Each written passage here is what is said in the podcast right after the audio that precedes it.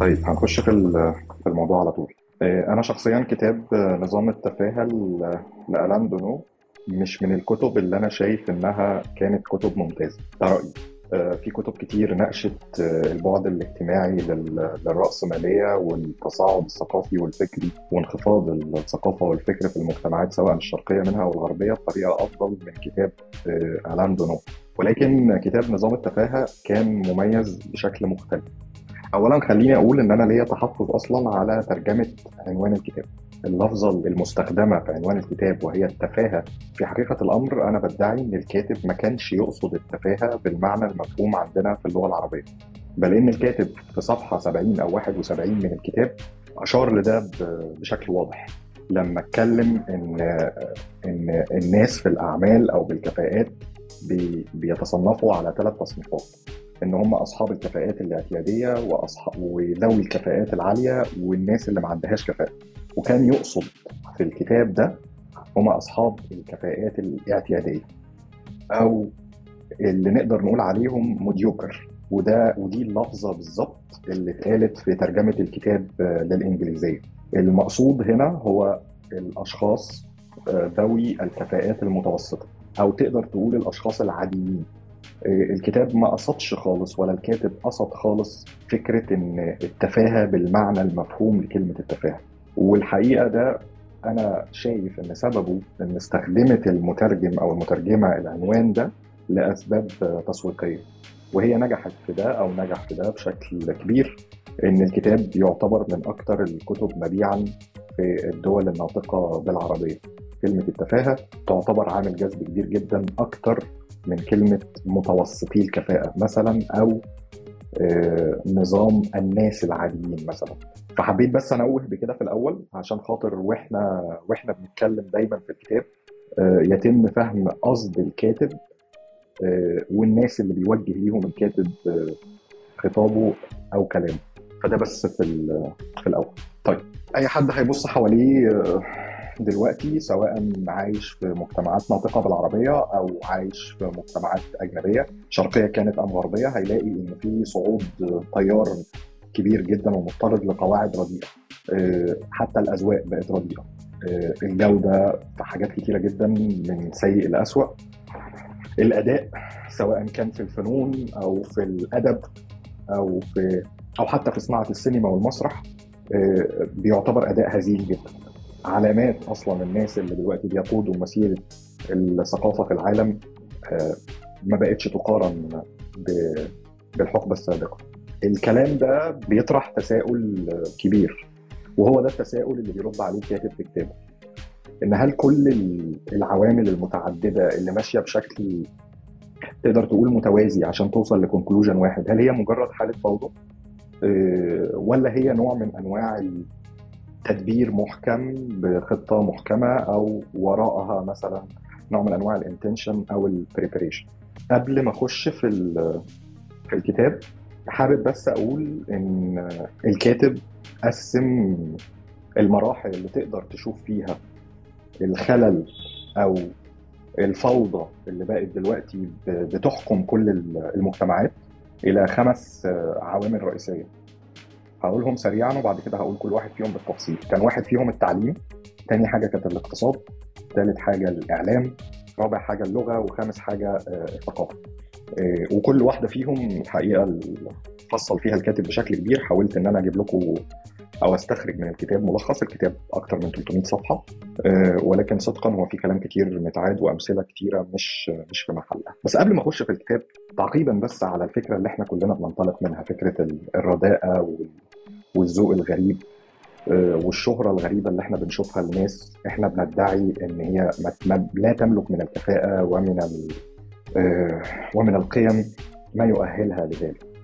آه، بيفكرني الكلام ده بكتاب ناقشناه هنا كتاب المرحوم جلال أمين آه، لماذا حدث في الثقافة في مصر. الكتاب ده كان طرح العديد من الأسماء أنا هذكرهم في عجالة عشان بس نتخيل الفجوة ومدى الانحدار بتاع البارامترز أصلا بتاعة النجاح والتفوق والشهرة اللي حصلت في مجتمعاتنا. جلال أمين كان منشن ناس في الأدب زي طه حسين وتوفيق الحكيم آه، وعباس العقاد.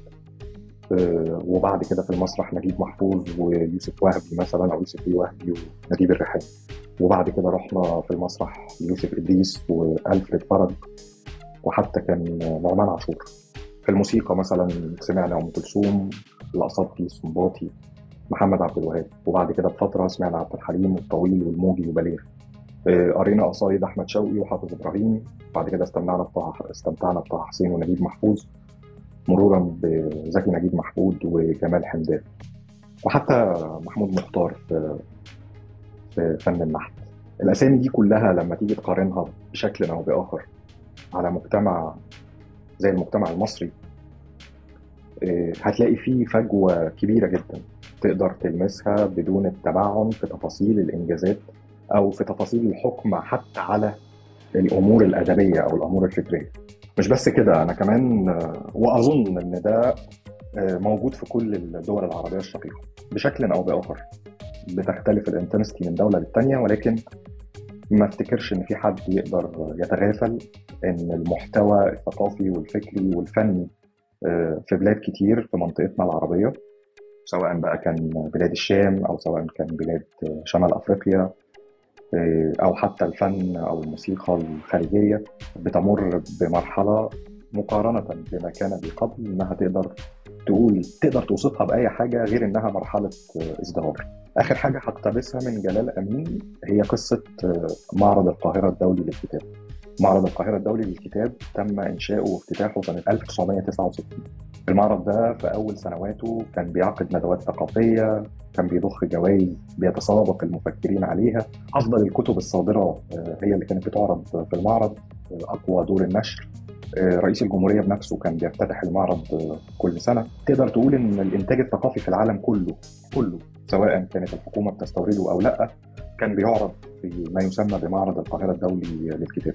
الكلام ده مش قديم الكلام ده تقدر تقوله سنة 1970 يعني تقريبا من حوالي 50 سنة بس. أي حد النهارده مهتم إنه يروح معرض القاهرة الدولي للكتاب هيلاحظ اختلافات عنيفة جدا. أنواع الكتب نفسها اتغيرت. فكرة الانترتينمنتس اللي موجود في المعرض سواء بعرض المأكولات أو المشروبات أو حتى الأصوات العالية جدا للميكروفونات اللي بتبقى موجودة في المعرض اللي بتغطي في أوقات كتير على فكرة إن أنت تقدر تركز في كتاب أو تحضر ندوة من الندوات الثقافية. حتى الجوائز اللي بقى بياخدوها موردين آه، معرض الكتاب من ناشرين ومفكرين وكتاب بقت كلها أصحاب الحظ الأكبر في نيلها هم الصحفيين مثلا أو المفكرين المقربين آه، للسلطه حتى زيارة الرؤساء. وزيارة الساسه للمعرض آه، بقت خاضعة أكثر لرقابة المسؤولين بقى في نوع من أنواع كتابة الأسئلة قبل إلقائها. يعني تقدر تقول إن المعرض كله تحول إلى تمثيلية سخيفة آه، بيستغلها كثير من السياسيين في إلقاء خطب سياسية معينة أو في نشر شعبية آه، فصيل ما أو حزب ما أو آه، فكره ما. وبعد كده وصلنا دلوقتي إن معرض القاهرة الدولي للكتاب بيتفتح كل سنة ومفيش أي حد من آه، ذوي القيم الفكرية والسياسية والثقافية والاقتصادية بيحضروا أصلا. فأنا بس استشهدت بالموقفين دول من كتاب جلال امين ماذا حدث للثقافه في مصر آه، عشان ده كان عامل من العوامل الخمسة اللي اتكلم عليهم أنا طيب إيه، نرجع للمقدمة اللي إحنا اتكلمنا فيها بعد ما اتفقنا إنه في نوع من أنواع الرداءة في نوع من أنواع الاذواق الغريبة إيه، جودة ضعيفة. تقدروا تشوفوا ده في مثلا قنوات اليوتيوب. إيه، أغلب المحتوى دلوقتي اللي بي اللي بينال رضا أعداد أكبر من المشاهدات الحقيقة بتلاقيه محتوى غير هادف وغير نافع حتى. أغلب ال icons أو ال celebrities اللي موجودين دلوقتي على منصات التواصل الاجتماعي بتتفاجئ إن لو جيت تقيسهم على معايير الكفاءة أو معايير القيم أو معايير حتى جودة اللي بيقدموه بتتفاجئ إن هم بعيدين كل البعد عن تحقيق حتى الحد الأدنى من المتطلبات النجاح والشهرة دول. هل معنى كده إن أنا بقول إن كل الناس اللي ناجحة على ال platforms اللي ليها علاقة بال social network هم بالتبعية من ال category ده أكيد لا. أكيد في حالات استثنائية. آه، ولكن ما بقتش هو ال domain وما بقاش ده القاعدة العامة. اتفرج مثلا على الإعلانات اللي موجودة في الشوارع في أهم الأماكن في أكتر المدن ازدحاما. هتتفاجئ إن المتصدرين للإعلان هم لعيبة الرياضة أو المغنيين أو الممثلين. اتفرج حتى على جوه الوسط الفني نفسه سواء كان ال icons أو نوع البرامج اللي بتتقدم آه، أو حتى نوع الأفلام اللي بيتم عرضها أو بيتم حتى آه، تهافت الناشرين أو ال sponsors أو الجماهير حتى عليها. أنا هنا هقتبس بس كان في مفكر إيطالي اسمه أمبرتو إيكو. كان قال بالظبط كده في صحيفة إيطالية إن المواقع دي بتمنح حق الكلام للحمقى الذين يتكلمون في البارات فقط. فقد كان هذا هو الحال. كانوا يتكلمون في البارات دون أن يتسببوا بأي ضرر للمجتمع. أما الآن فلهم حق الكلام مثلهم مثل من يحمل جوائز نوبل. الحقيقة هو ده اللي إحنا بنشوفه حوالينا. مقولة تانية نسبت لجمال الدين الأفغاني إن آه، التسفل أيسر من الترفع من البسيط جدا إن أنت تقدم محتوى تافه آه، وتحوله بعد كده لأيديولوجية ويبقى ليك جمهور يدافع عنك ويرد أي هجوم عليك أكتر من إن أنت تخالف كل ده وتقدم محتوى قد يكون ذا قيمة ولكنه مش ملح في الوقت الراهن ومش هتجنوا ثمار هذا المحتوى في الوقت الراهن. كلمة أخيرة هقولها قبل ما أخش في الكتاب بس أنا حبيت بس أقول كل المقدمات دي عشان الناس تبقى معانا. آه، إذا كانت البضاعة المقدمة لنا مجانية فيجب أن نعلم بأننا نحن البضاعة لا ما تم تقديمه إلينا. مهم جدا الكونسبت ده. كونسبت إن الحاجة اللي بتجيلنا بشكل سهل وبشكل مجاني لازم نبقى موقنين بشكل أو بآخر. اللي بيتقدم لنا ده مش هو السلعة. محدش بيقدم سلعة مجانية. في حقيقة الأمر إن الكلاينتس في هذه الحالة هو السلعة. عن طريق إن أنت بتقلد أو بتستقي أو بتأخذ معلوماتك أو عاداتك أو حتى رغبتك في الشراء من آه، اللي بيتقدم لك. ده خلى الحاجات اللي زي السينما والإذاعة. ما تقدرش تعتبرهم فن في العصر الرأسمالي المتوحش اللي إحنا عايشين فيه اللي هو العصر الحديث. لا أنت تقدر تعتبرها أكتر آه، مشاريع تجارية أو أعمال تجارية. مش بس كده ده هي بتتحول كمان بشكل أو بآخر لأيديولوجية عشان تقدر تبرر الهراء إنجاز التعبير اللي بينتج عنها. ولا لا أمثلة كتيرة زي محمد رمضان ورامز جلال والخليل كوميدي. آه، كتير كتير جدا جدا. واللي مهتم باليوتيوب والقنوات اللي وصلت لملايين من المتابعين على اليوتيوب هيعرف هيعرف كويس قوي آه، أنا قصدي إيه وإيه وإيه اللي أنا عاوز أقوله. نقطة مهمة كمان دي ذكرها الكاتب أنا هي متسقة مع الفكرة دي إن ما بقاش المهم هو كيف تكون ولكن أصبح الأكثر أهمية هو كيف تبدو. آه، دي برضو ليها علاقة بمنصات التواصل الاجتماعي وتحديدا في اليوتيوب.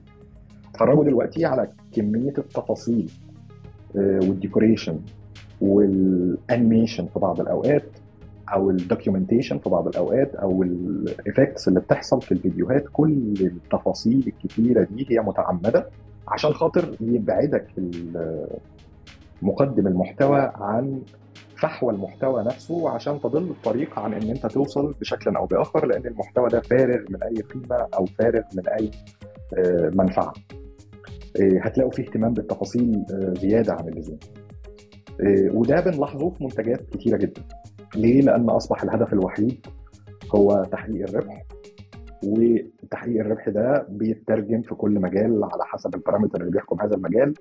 كأن مثلا عدد المشاهدات أو عدد ال share ال shares أو حاجات زي كده كتير. إنجاز التعبير. نفس الكلام في الأفلام الإيرادات نفس الكلام في الأغاني نفس الكلام في الكتب. حاجات كتيرة جدا دلوقتي بقت معايير النجاح الوحيدة ليها هي آه، تحقيق الربح وفي بعض الأوقات كمان بتتمادى لتحقيق الشهرة والسلطه. الكاتب حذر في جزء من الكتاب بعد ما قال مقدمته. مقدمة الكاتب في الكتاب كانت جملة آه، حابب إن أنا أقولها. ضع كتبك المعقدة جانبا. لقد شن الهجوم بنجاح وتصدر التافهون مواقع التأثير. دي كانت افتتاحية ألان دونو للكتاب آه، واللي بعد كده أتبعها بأن يجب التحذير والتنويه لأصحاب الكفاءات والقيم إن هم بدون وعي وبدون إدراك منهم يستسلموا لكل الضغوط اللي حواليهم فيعملوا على خفض معايير النجاح وتبقى بس زي ما اتفقنا إن هي معيار الربح والمادة والشهرة والسلطة فقط إيه، ويحصل نوع من أنواع اللين للمبادئ الصلبة اللي عندهم فيقدروا يتنازلوا عن حاجات كتير في قناعاتهم وفي تربيتهم. طيب دلوقتي الكاتب عاوز يقول بالرجوع لتعريف التفاهة أو الميديوكر انجاز التعبير أو متوسطي الكفاءات إن هم دول الناس دلوقتي اللي متصدرين المشهد آه، الناس الأكفاء والمميزين في في كل الأعمال اللي بتدور حوالينا وفي كل المجالات اللي بتدور حوالينا تم تحديدهم آه، بشكل أو بآخر. نقطة مهمة برضو بيفرد لها الكاتب جزء كبير في في البداية إن فكرة ال mediocre مش مش حصر أو حكر على طبقة اجتماعية بعينها. الموضوع ملوش دعوة ملوش أي علاقة بطبقتك الاجتماعية أو دينك أو تربيتك أو ايديولوجيتك أو حتى مجالك اللي بتعمل فيه. ملوش دعوة خالص. هو الموضوع إن بكل بساطة تقدر تقسم الناس في أي مجال ليه علاقة بالعمل أو بالسياسة أو بالصناعة أو بالتجارة أو بالاقتصاد لثلاثه كاتيجوريز وهما الأكثر كفاءة والمتوسط كفاءة واللا كفاءة أو الغير كفء. هو بيتكلم على الشريحة آه، اللي في النص. آه، الكاتب بيدعي إن تم سيطرة الأشخاص المتوسطين في القدرات على مقاليد الحكم. والحكم هنا مش مقصود بيه الحكم السياسي فقط مقصود بيه كل شيء. مفاصل الاقتصاد التعليم الإعلام التجارة الثقافة آه، كلها دلوقتي بقت تحت سطوة متوسطي الكفاءات. وده كله بدون إطلاق رصاصة واحدة بس في أي حرف. ولا حتى اضطر مثلا الكاتب المتوسطي الكفاءة إن هم يقتحموا مثلا الفاستل في فرنسا أو يحرقوا البرلمان مثلا في ألمانيا. ما حصلش ما حصلش الكلام ده. الكلام ده حصل بشكل بشكل مدبر وبدون آه، إراقة آه، جنيه استرليني واحد.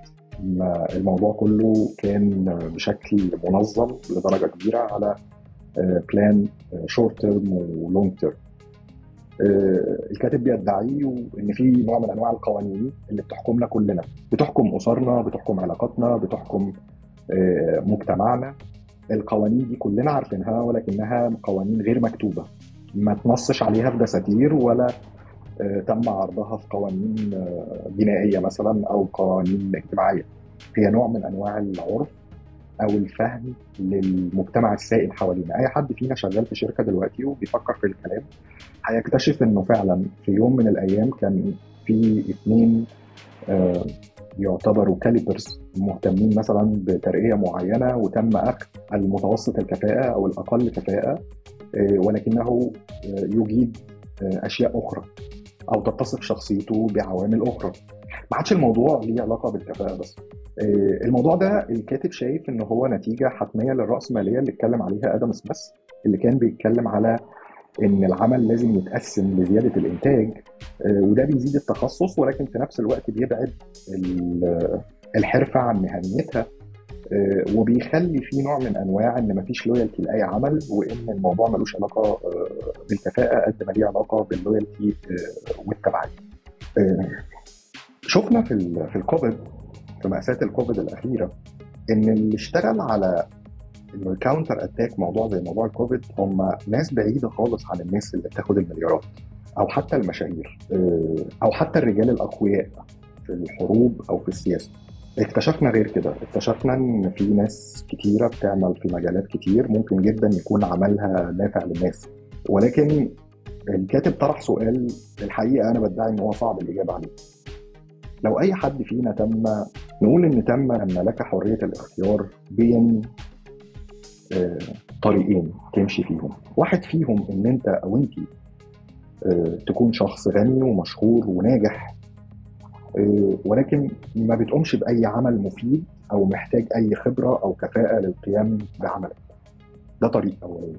الطريق الثاني إن أنت هتكون شخص مفيد وبتقدم عمل رائع للإنسانية ولكن مش هتكون غني ولا هتكون مشهور ولا هتعتبر مثلا نقطة من تلاقي الرضا أو الريكومنديشنز من الآخرين. بالعكس هتبقى دايما مختلف وهتبقى دايما ينظر لك إن أنت يا إما شخص مغرور أو متعجرف آه، أو شخص آه، ضد المزاج العام. الكاتب بيقول إن بشكل أو بآخر إن دلوقتي أو بكرة أو قدام لو أتيحت لك فرصة الاختيار فإن أنت مش هتقدر هتوصل لمرحلة معينة إن أنت هتسلم وهتفضل إن أنت تكون مشهور وناجح وغني بالتنازل عن إن أنت تكون مفيد مثلا أو إن يكون عندك خبرة أو إفادة لمجتمع ما في في مجال ما. ده اللي هنشوفه بقى في في الكلام اللي هو بيقوله في الخمس عوامل.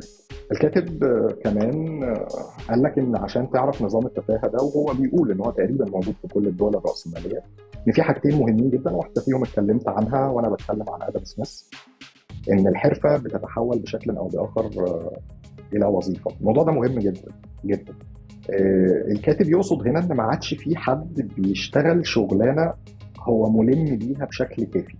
بمعنى من كتر تقسيم الشغل وال specifications الزيادة اللي بتبدأ من مرحلة التعليم والتخصصات الزيادة قوي اللي بقت مشاركة في الإنتاج فقد العامل أو فقد الحرفي فكرة إنه يبقى ملم بكل جوانب المنتج اللي هو بيشتغل عليه.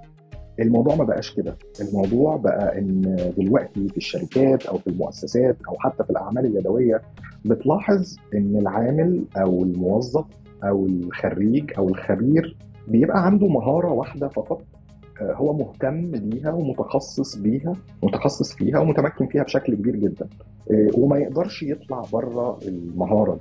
في حين إن إخراج المنتج اللي هو بيشتغل عليه قد يتطلب العديد من المهارات ولكن النظام دلوقتي ما عادش بيسمح إن أنت يكون تقدر تبقى شخص عندك loyalty أو عندك نوع من أنواع ال gathering لل experience إن أنت تقدر يطلع ك output عندك منتج نهائي. دي النقطة الأولانية. النقطة الثانية موضوع سيطرة الشركات متعددة الجنسيات على الأنظمة السياسية أو على الدول بشكل عام. إن الموضوع بقى فيه نوع من أنواع الخصخصة وفي نوع من أنواع حركة الأموال والحركة التجارية العالية جدا. ودخلنا دلوقتي طبعا في العولمة والنظام العالمي الاقتصادي مع طبعا السيولة المعلوماتية اللي إحنا عايشين فيها. فبقى الموضوع تقدر تقول إن هو خارج نطاق سيطرة الحكومات. وده أدى بشكل مباشر أو غير مباشر إن في نوع من أنواع إن بقت الاقتصاد هو اللي مؤثر عن السياسة وإن بقى في سادة الاقتصاد هم اللي بيتحكموا في أمور قد تكون بعيدة كل البعد عن المظلة الاقتصادية. الخمس عوامل بقى نبدأ فيهم هو بدأ بالتعليم وسمى التعليم استخدم مصطلح التعليم التجاري والحقيقة إن مصطلح إن فكرة التعليم التجاري ألان دونو كان موفق جدا في شرحها. إن هو قال إن الأنظمة التعليمية في العالم دلوقتي بتحد بشكل أو بآخر من قدر قدرة الطلبة على الإبداع والتحرر والنقد والتفكير. حتى في دول العالم الأول زي أمريكا وزي كندا. وإن في نظام تقليدي للدرجات موجود في كل الجامعات. وكانت ال study دي على الجامعات في أمريكا وكندا. النظام التقليدي ده بيجبر إدارة الجامعة وبيجبر ال staff الجامعي إن هو يلتزم بما سماه ألان دونو بتوزيع محدد للدرجات التوزيع المحدد ده بيبقى عامل زي curve كده بقرارات مسبقة وإن من المفروض أو من النفع الاقتصادي والثقافي والفكري إن يكون النظام أو التوزيعة بتاعت الطلبة بالشكل ده. إيه الشكل ده؟ إن يبقى في 20% من الطلبة تحت المستوى أو دون المستوى أو الراسبون يعني نقول عليهم زي ما نقول وفي 20% هم المتألقون أو المفكرون أو النابغون وفي 60% هم ال ال الشريحة اللي في النص اللي هي اللي بيرجع نقول عليها إن الميديوكر ألان دينو راح شوية في الفكرة دي وقال إنه لو في مدرس أو لو في دكتور أو لو في بروفيسور اشتغل بشكل غير تقليدي عن طريق مثلا إنه يدي حلول مبتكرة يسمح بنوع من أنواع التحرر الفكري يزود ال dose بتاعه بتاعه المقررات يشرح مناهج فترات زمنية بعيدة في فتر في في في في كورسات مثلا condensed عشان يخلي الطلبة تاخد أكبر قدر من المعرفة. المدرس ده most probably مش هيكمل في جامعته. البروفيسور ده في أغلب الأوقات هيتم توجيه اللوم إنه ده خارج نطاق ال contract اللي المفروض يعمل بيه. مش مطلوب منه ان هو يخلي ال 20% دي 30% أو 40% مثلا. مش مطلوب منه إنه ينتج متميزين آه، بنسبة كبيرة. حتى لو كان يملك الأدوات والمهارات آه، والمعرفة اللي تخليه يسمح للطلبة آه، إن هو يقدم ده أو إنه يحولهم بالشكل ده. فأصبح التعليم في نظر الدولو عامل زي سلعة عملية تجارية بحتة. في نوع من أنواع الشراكة بين الشركات والجامعات الاثنين بيستفيدوا منها. وبقى الطالب هو مجرد كلاينت أو مجرد customer آه، هو اللي بيدفع ثمن ده. آه، وإن ال staff الجامعي أو ال staff التدريبي أو ال staff التعليمي لا يملك من أمره شيء. بالعكس ده اللي بيحذو حذوه أو بينال الرضا وبياخد الترقيات وبياخد أكبر وبيتقلد أكبر المناصب في الجامعات أو في النظام التعليمي العالمي هو أكثر الملتزمين آه، بما يعرف بالنظام التقليدي للدرجات وليس الأكثر ابداعا أو الأكثر قربا للطلبة أو الأكثر آه، ميولا للتحرر وروح النقد آه، وهكذا. رأس مالية السوق ادتنا منتج عبارة عن خبراء. بقى الخريج بيعتبر خبير جدا في مجاله. مهارته متخصصة جدا ولكنه غير مثقف إيه، ولا يملك الأدوات لمواجهة آه، الصعوبات الحقيقية العملية اللي بيواجهها في في الفيلد الخارجي للعمل. مش بس كده بقى عندنا في مجتمعات العالم كله ده على كلام ألان دونو آه، هوس الحصول على الشهادات أو ال certificates لمجرد المظاهر الاجتماعية ما بنستفدش منها في في في الحياة ما بعد ما بعد الجامعة. الحقيقة لو حد فكر شوية في موضوع في موضوع المنظومة التعليمية هيلاقي إن الكلام ده إلى حد كبير صحيح بيزيد عليه كمان اللي كان قاله الله يرحمه بقى آه، ابن خلدون في مقدمته في العبر وديوان المبتدأ والخبر فكرة بقى العصبويه وفكرة الإحساس بال بالتبعية للمنتصر وفكرة تقليد المنتصر والتقرب لصاحب السلطة كل ده بيخلي كل اللي هنقول عليه الفترة الجاية أو العوامل اللي إحنا هنقول عليها العوامل دي بتسوء أو بتزداد شدة أو بيزداد ضررها أو اثرها السلبي كلما تأخرت الدول. يعني لما أجي اتكلم على تعليم واقتصاد واعلام ولغة وثقافة وتأثير مثلا سلبي على لمنصات التواصل الاجتماعي على طول كده عايزين نترجم إن التأثير ده شدته أو مدى ضرره أو مدى تأثيره السلبي آه، بيتناسب طرديا مع آه، مدى تخلف المجتمعات. تخلف المجتمعات ده بيقاس بعوامل كثيره جدا. ليها علاقة بالتعليم ليها علاقة بالصحة ليها علاقة بال آه، بال income ليها علاقة بالملفات الاجتماعية زي الحريات زي التعددات يعني حاجات كثيره جدا بتقاس بيها في ال developmental index بتاع آه، المجتمعات ولكن الأكيد إن أي تأثير سلبي على مجتمع ما بالضرورة إن التأثير ده بتكون خطورته أكتر أو مآسيه أكتر على المجتمعات الأكثر فقرا مثلا أو الأكثر جوعا. آه، أو الأكثر جهلا. فده اللي أنا بقوله قبل بس ما أخلص الموضوع بتاع التعليم وأنا شخصيا شايف إن هو من أكتر الحاجات الكويسة اللي قام بيها آه، ألان دونو هو هو استفاض جدا في النقطة دي. وأنا بدعي إن هو يمكن أول واحد اتكلم في موضوع الشراكة بين الشركات وبين الجامعات ونوع الخريج اللي بيخرج من الجامعة والمواصفات اللي عنده. هو هو كان متميز فيها الحقيقة بشكل بشكل كبير. آه، النقطة الثانية وهي الاقتصاد. آه، والحقيقة هنا فكرة الاقتصاد ما قدرش الكاتب إن هو يلغي انفكاكها عن السياسة. وكان متأثر جدا بكتابات ناس كتير منهم حنا إن في بشكل أو بآخر علاقة بين السلطة والمال.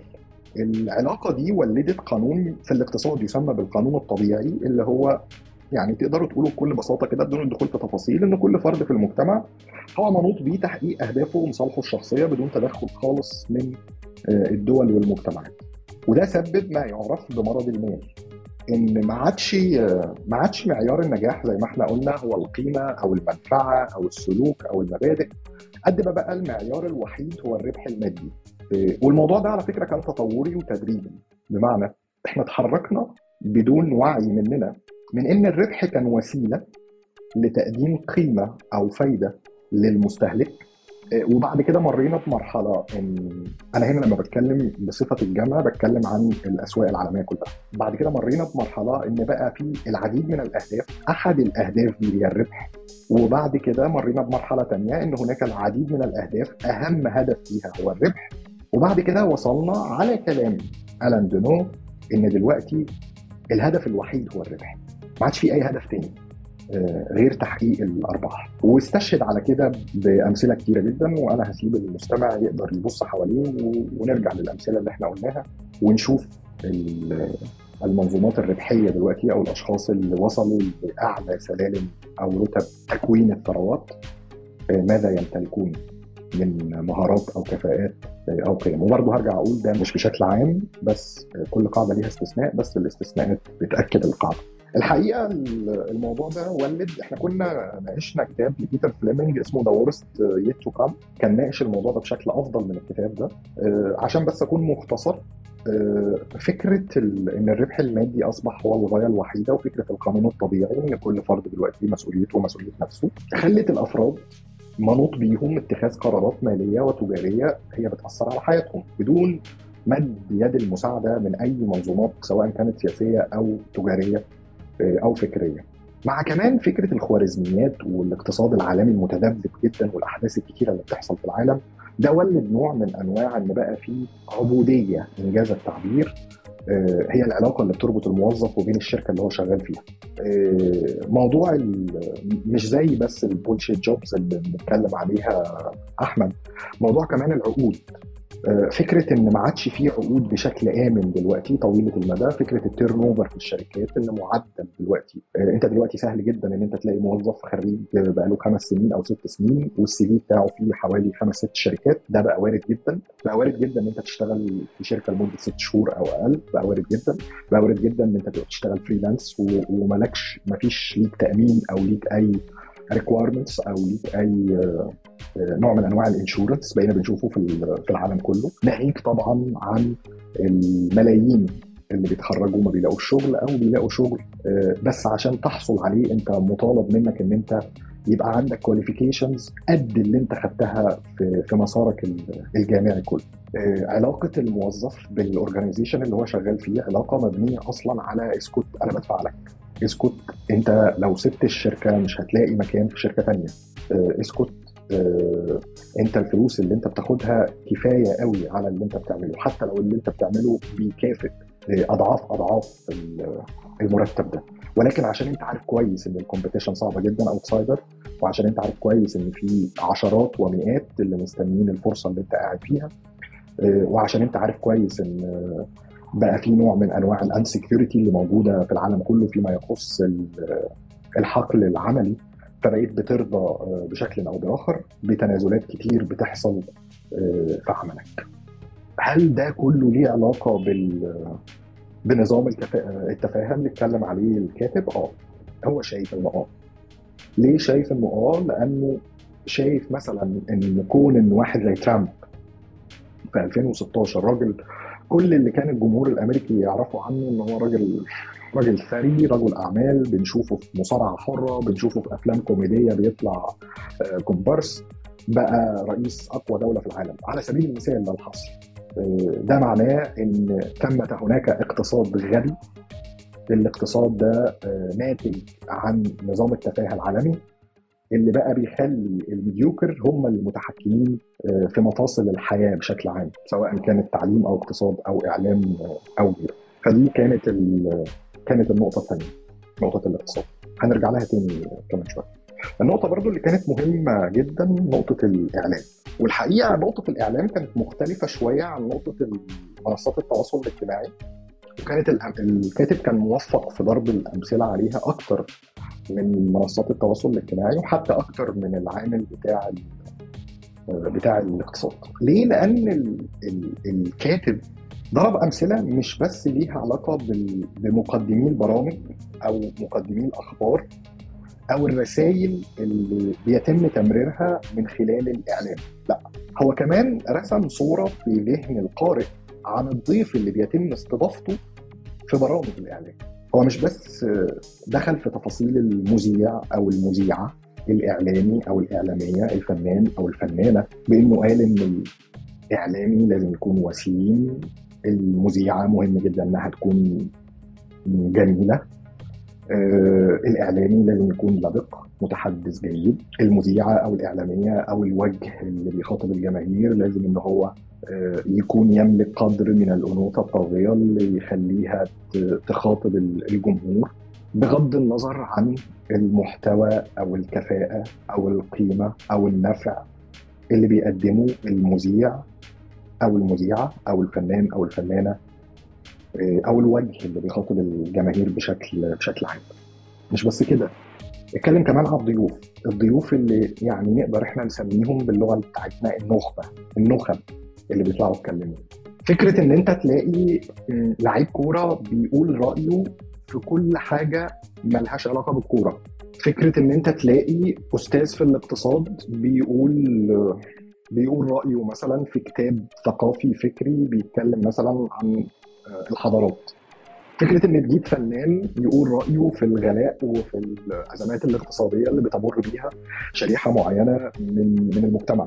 فكرة إن أنت تجيب رجل دين تاخد رأيه في قد إيه المنظومة التعليمية وكيف يمكن مثلا إن إحنا نحسن من الناتج المحلي فيما يخص مثلا التعليم ومواكبة المدارس العالمية. هل ده بيحصل؟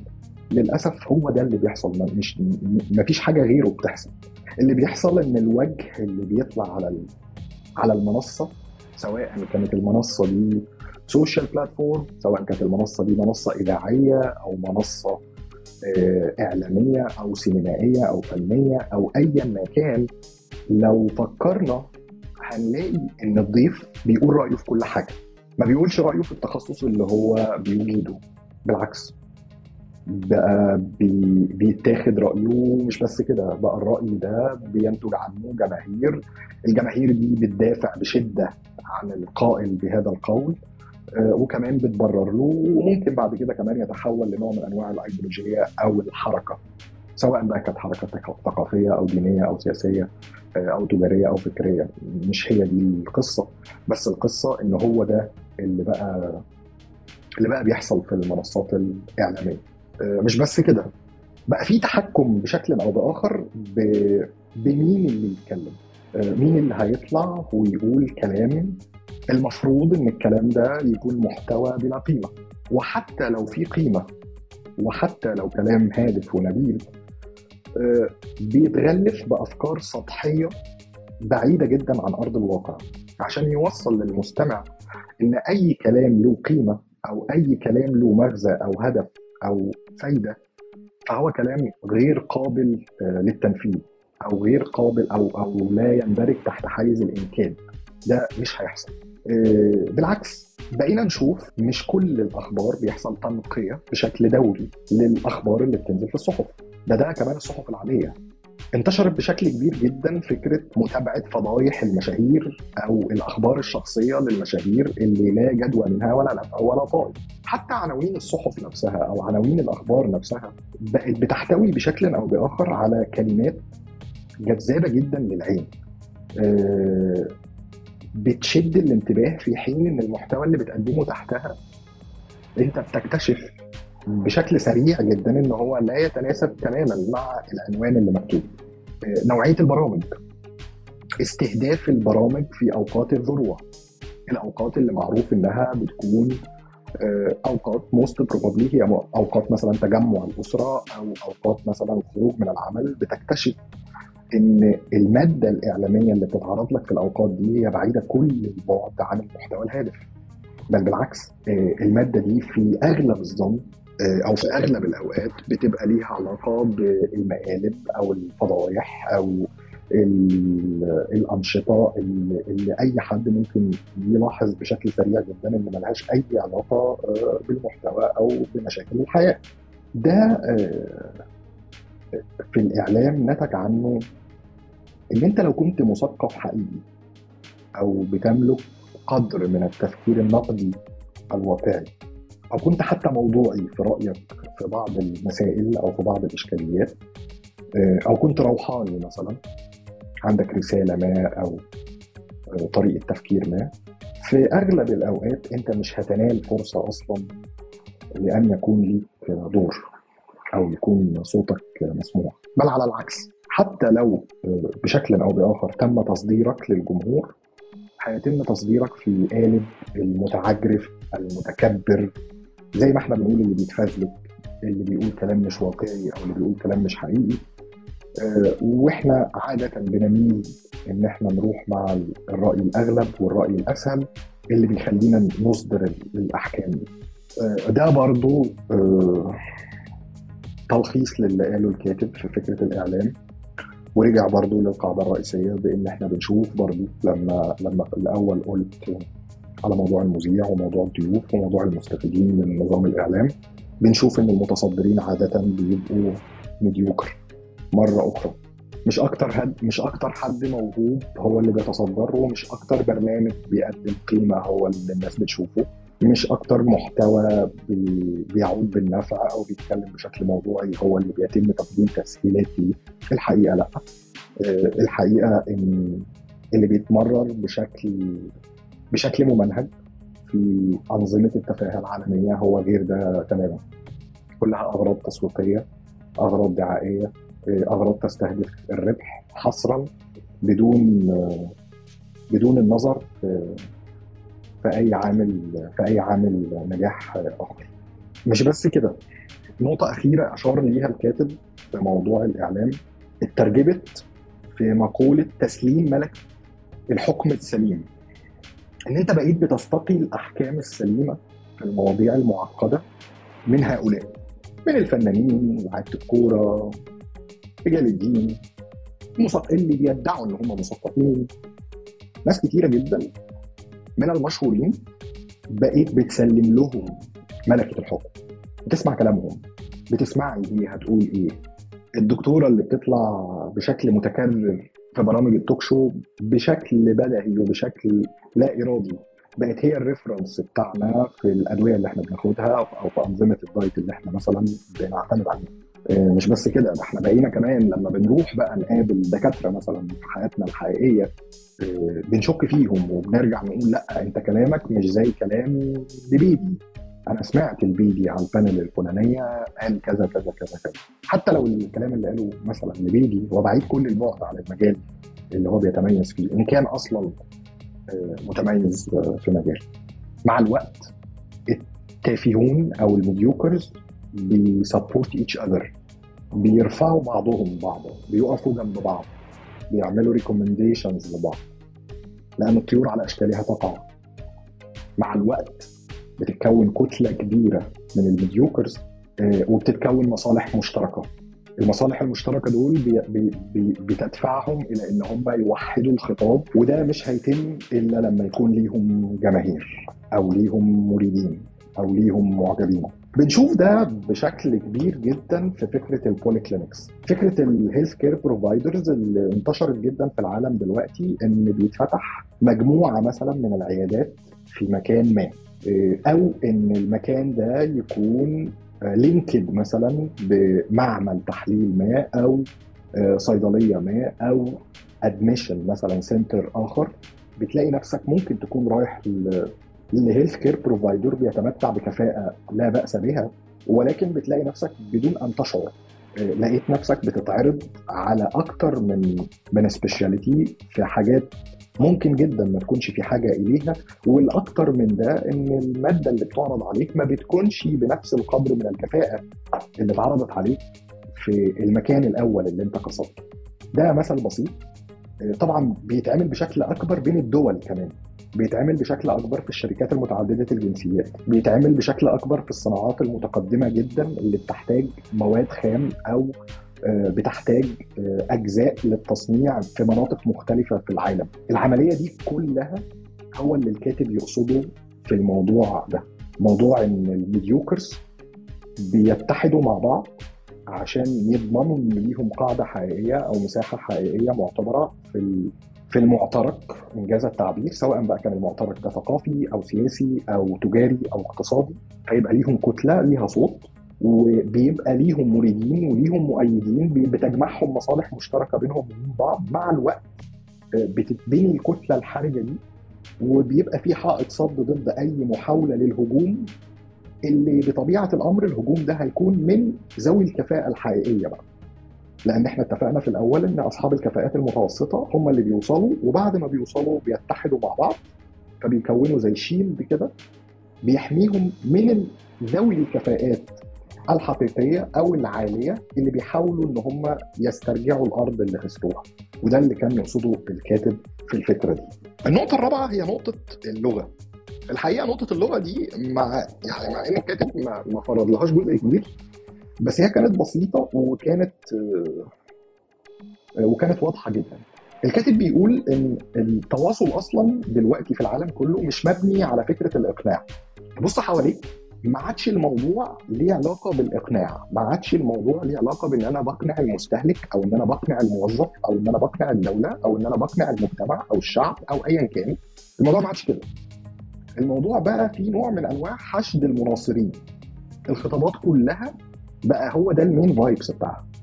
إن أنا عندي أنصار الأنصار دول بيسقفوا لي الأنصار دول هم ال clients بتوعي بحاول أديهم امتيازات على قد ما أقدر وبحولهم زي transaction كده إن هم عوامل جذب لأنصار آخرين. باللعب بقى على العواطف وتسطيح القضايا. اتكلمنا في الموضوع ده في كتاب جوستاف لوبون سيكولوجيه الجماهير وقلنا بقى استخدام ال symbols والتجارب الحياتية واستخدام القصص والصور ومخاطبة اللاشعور وغض النظر عن الشعور والكلام والبعد عن الكلام المنطقي واستخدام الكلمات العاطفية الرنانة. كل دي الأساليب بقى اللي اتكلمنا فيها في سيكولوجيه الجماهير. أنا مش هخش فيها قوي بس كل اللي هقوله في النقطة دي إن إن هي هي دي اللغة اللي بقت سايدة.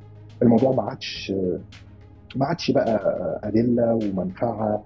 ومنطق وعلم قد ما هو. طبعا ده موجود بس ما عادش ده. الكاتب عايز يقول إنه مش هو ده اللي بيجيب الناس ومش هو ده اللي بيوصل للنجاح بمعايير النجاح الحالية. بقى الموضوع أكتر هو التشجيع هو المناصرين تسطيح القضايا زي ما إحنا قلنا الحلول السهلة الكلمات البراقة وده بنشوفه وده بنشوفه اون ديلي في كل المجالات اللي حوالينا. وقال فكرتين أنا شايفهم برضو الكاتب كان موفق جدا فيهم. قال لك إن في مبدئين المفروض إن المبادئ دي هي اللي تسري على أي نقاش. اولا إن العارف عادة ما بيطلبش التأييد من غير العارف. أنا لما قريت الكلام لقيته منطقي جدا.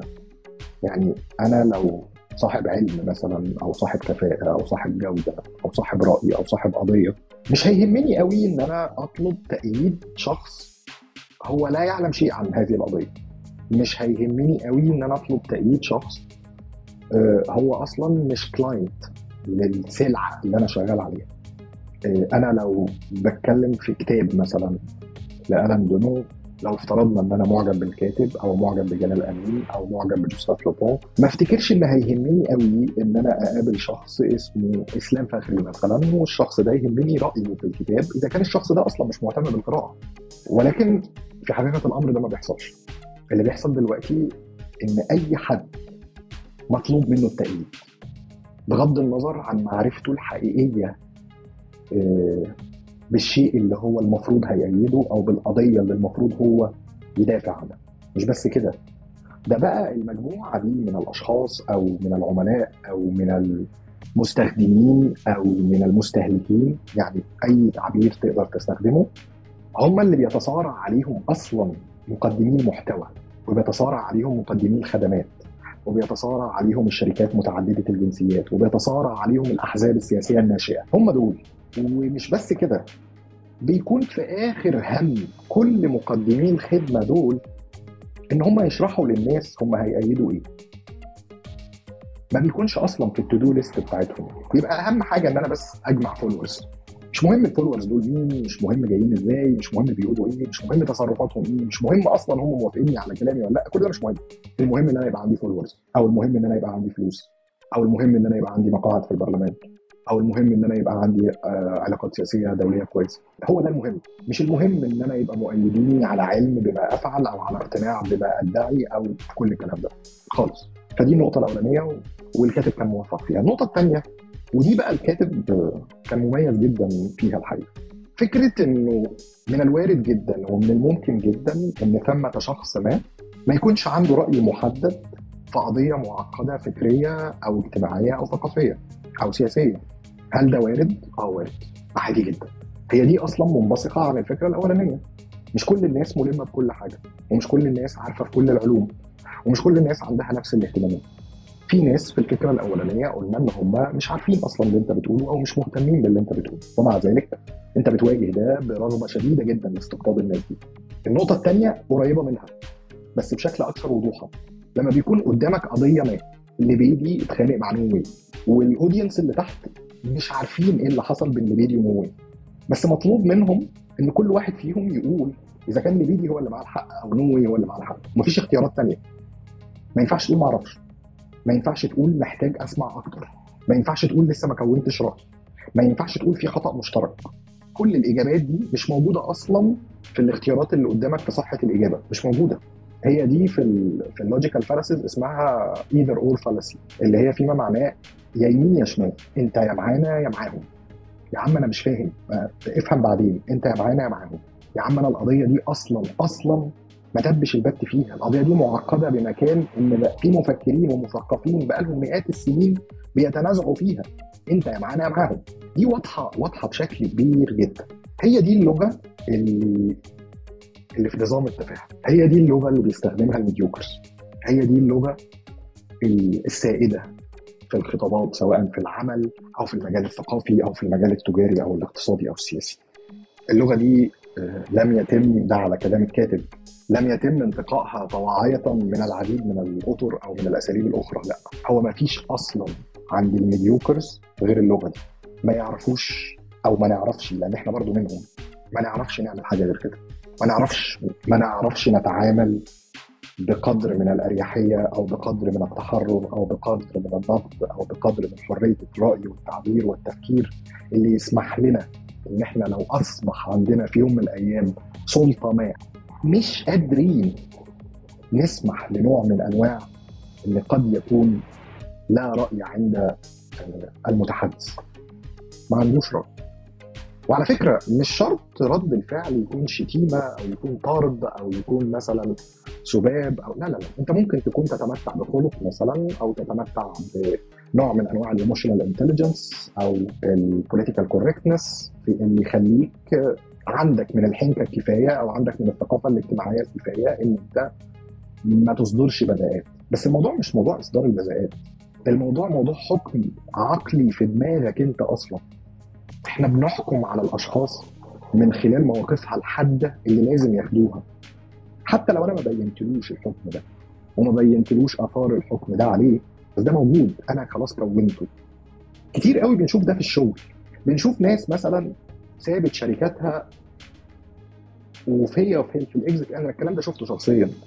وهو في ال exit interview سأل يا جماعة الخير أنا راجل ب meet ال KPIs بتاعتي وبحقق ال objectives بتاعتي qualitative و quantitative وماشي على ال KPIs آه ليه تم الاستغناء عن خدماتي؟ آه refer لمديرك المباشر أو ال head of department ولما ترجع ت investigate تلاقي إنه عشان أنت من ست سبع شهور اتعرضت عليك قضية ما أو موقف ما وما كانش ليك رأي حاسم فيها. أنت ما حسيتش إن أنت أذنبت by the way وهو أصلا المتلقي ما حسسكش بده. بس ساعة الاختيار بعد فترة من الزمن لما كان الاختيار ده في أيدي المتلقي في ذلك الوقت الاختيار ده كان ليه دور. اللي انت عملته كان ليه دور. أو بمعنى أصح اللي انت ما عملتوش كان ليه دور. إن أنا كنت مستني منك تاخد الموقف بال intensity دي بال direction ده. انت ما خدتوش I don't care بقى. انت خدت عكسه خدت نقيضه سكت خالص. أنا مش مهتم. فدي اللغة اللي اتكلم عليها الن في كعامل رابع النقطة الأخيرة ودي اللي تعتبر اتكلمنا فيها في في المقدمة. هتلاقوا الكلام ممكن يكون متكرر بشكل كبير نقطة الثقافة. الحقيقة موضوع الثقافة ده من المواضيع اللي أنا شخصيا مهتم بيه والن ما أفرضلوش يعني حقه بس هو كان concised فيه جدا. اتكلم عن إن الكتب والروايات دلوقتي بقت الأكثر مبيعا. هي عبارة عن روايات تافهة أكتر منها روايات مفيدة أو روايات آه، معتبرة. آه، الموضوع بقى موضوع القراءة أو الثقافة إن هو تثقيف ومعرفة و... وتكوين فكرة أو تكوين ايديولوجيه تحول إلى مش مجرد تسلية وتضييع للوقت ووجاهه اجتماعية إنجاز التعبير. آه، بتسطيح شديد لمواقف كتيرة معقدة بانحيازات شديدة. كلنا عندنا انحيازات. آه، كلنا وإحنا بنقرأ الكتب عندنا انحيازات. عندنا انحيازات أيديولوجية وعندنا انحيازات سياسية وعندنا انحيازات دينية وثقافية وعرقية. آه، إحنا بنسلم بنستسلم قدام الانحيازات دي بشكل بشكل غير مسبوق. مفيش حتى أي اعتبار لوجود الانحيازات دي وإحنا بنقرأ أي حاجة وده اللي بيشير ليه الكاتب آه، بنحاول نكون مع المتشابهين بشكل أكتر. بنحاول نحمل المسؤوليه ل... وعلى فكرة by the رجال اجتماع كتير اتكلموا في الموضوع ده بتاع ال situational attributes آه، واتعمل عليه تجارب كتيره وتجارب حديثة في السبعينات وفي الثمانينات. فكرة ان إن أنت عادة لما بيصدر ليك أمر أو بتبقى قاعد في منظومة جماعية بتتصرف بشكل معين أنت عادة حتى لو أنت مش مقتنع باللي أنت بتعمله فأنت بتعمله من منطلق إن شيء هي دي مش مسؤوليتك.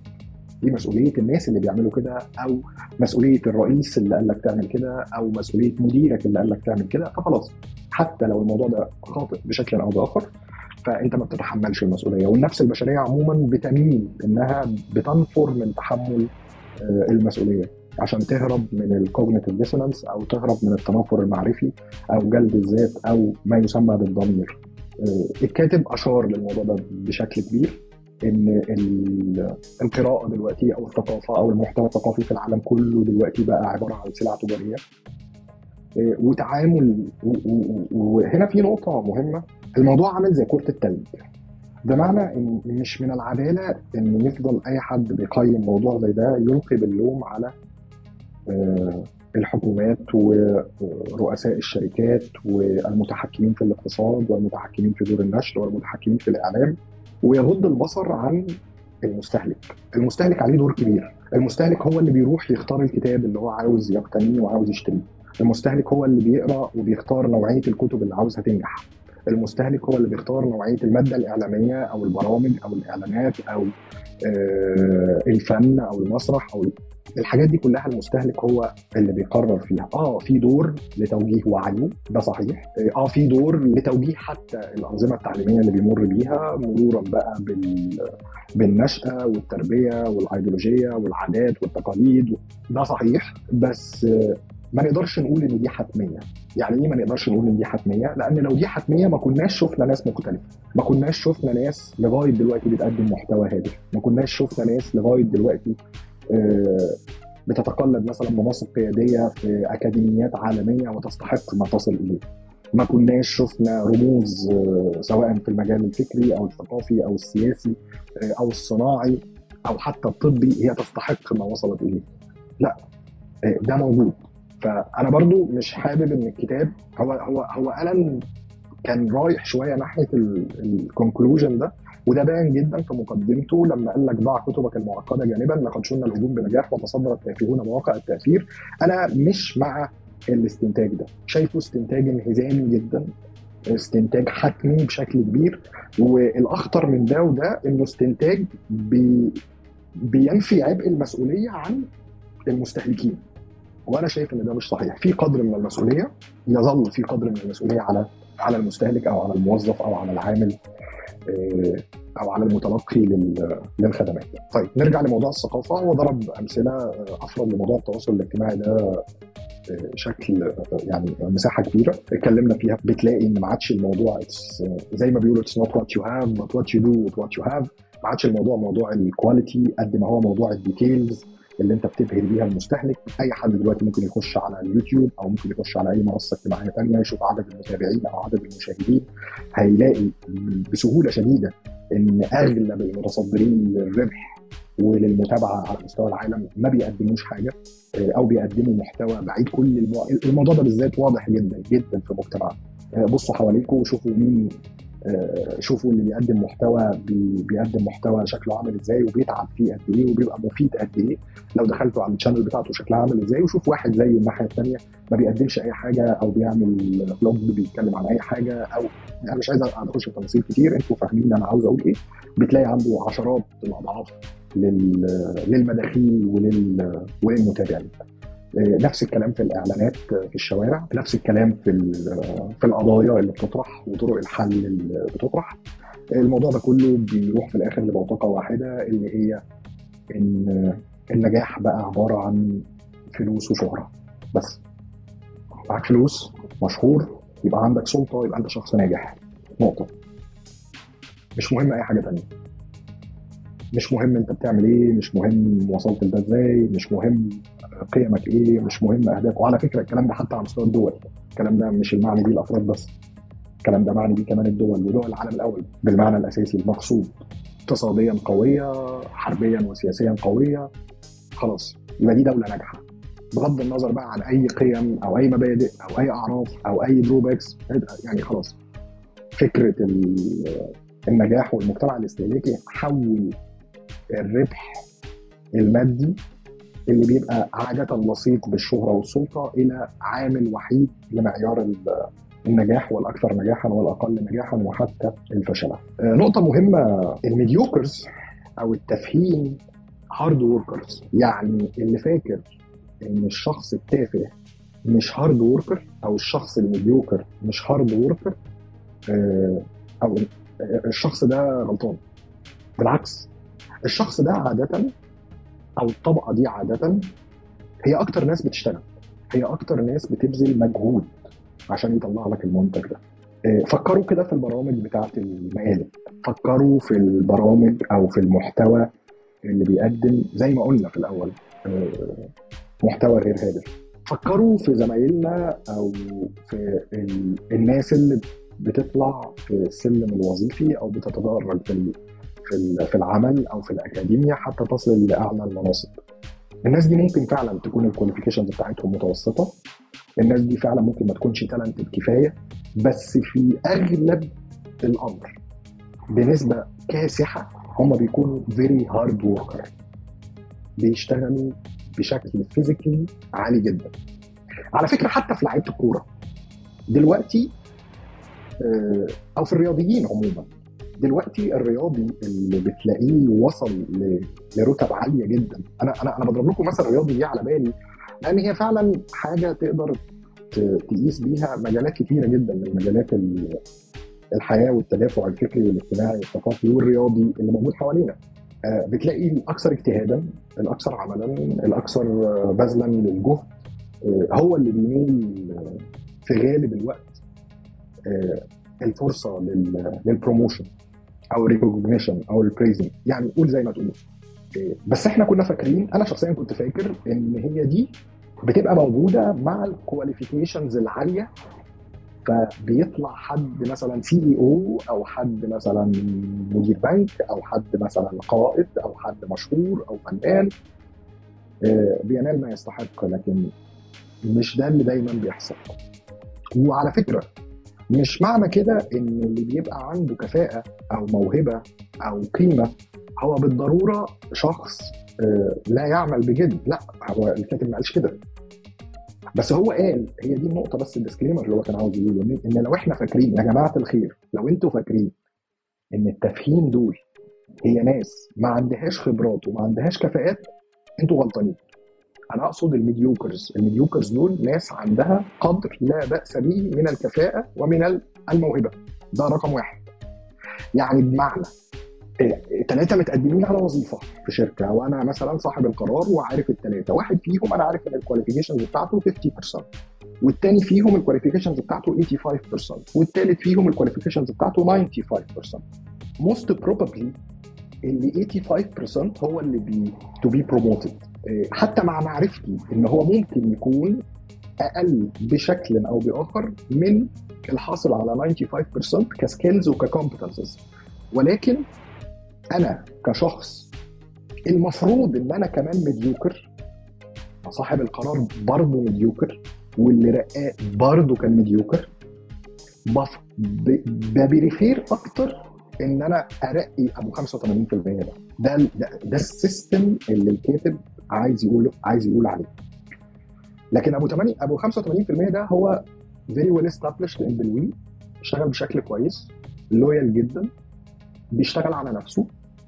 في أغلب الظن بيبقى مجتهد hard worker لأنه عارف كويس إنه لازم ي maximize ال effort اللي هو بي بي بيبذله عشان خاطر يعوض الجاب اللي بينه وبين الشخص الأكثر تميزا والأكثر كفاءة.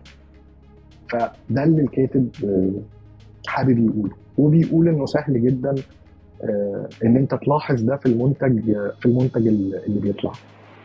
آه، في نقطة تانية كمان ودي عامل إضافي أضافه الكاتب في الكتاب. فكرة إنه هو برضه عاوز يحس إنه بيقدم شيء ليه قيمة. في بعض الأوقات وفي كتير من الأوقات لما حد بينجح أو لما حد بيقدم محتوى هو عنده قناعة إن المحتوى ده أقل جودة أو أقل كفاءة أو أقل منفعة من محتويات أخرى ولكنه ينال أكثر مما يستحق.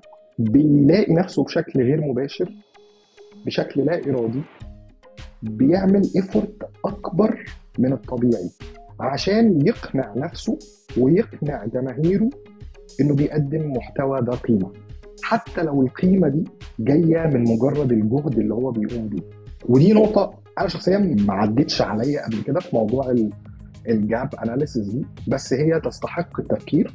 ممكن ما بقاش موافق الكاتب فيها قوي بس كان آه، كان مهم إن أنا إن أنا اقولها آه، آخر حاجة حذر حذر الكاتب آه، أصحاب الكفاءات. ووجه ليهم رسالة أنا برضو شايفها رسالة بائسة جدا. إن هو شايف إن بشكل أو بآخر أصحاب الكفاءات وال والقيم والمقصود هنا بالقيم مش القيم الأخلاقية والدينية لا لا لا.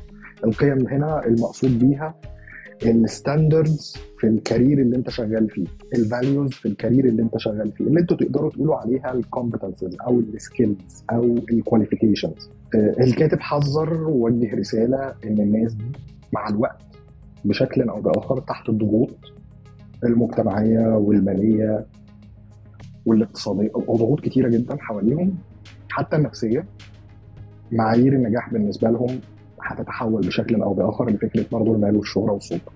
وهينخرطوا بقى في في المعايير دي وهيتنازلوا آه، عن المبادئ وعن الستاندردز اللي عندهم. وقال كمان إن وده دي في خضم الرسالة نفسها إن الأعمال التافهة الملحة السريعة المكسب هي أسهل بشكل كبير جدا من الأعمال المهمة اللي ذات قيمة آه، الغير ملحة. آه، فمن الصعب ده رأي الكاتب من الصعب إن أنت تفضل على موقفك في ان أنت تضيع كل الريسورسز بتاعتك في عمل آه، أنت شايفه مهم ممكن يكون اللي حواليك مش شايفينه كده.